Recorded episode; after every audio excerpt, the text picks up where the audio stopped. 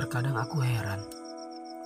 Beberapa orang menilaiku sombong, cuek, jutek.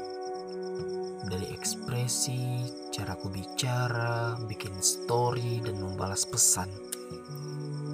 Padahal belum kenal siapa aku sebenarnya. Terkadang hati dan pikiran tak sejalan, sehingga pasang wajah kurang enak dipandang. Gak senyum bukan berarti gak ramah. Gak mau perhatian takutnya baperan. Gak banyak bicara biar gak dominan.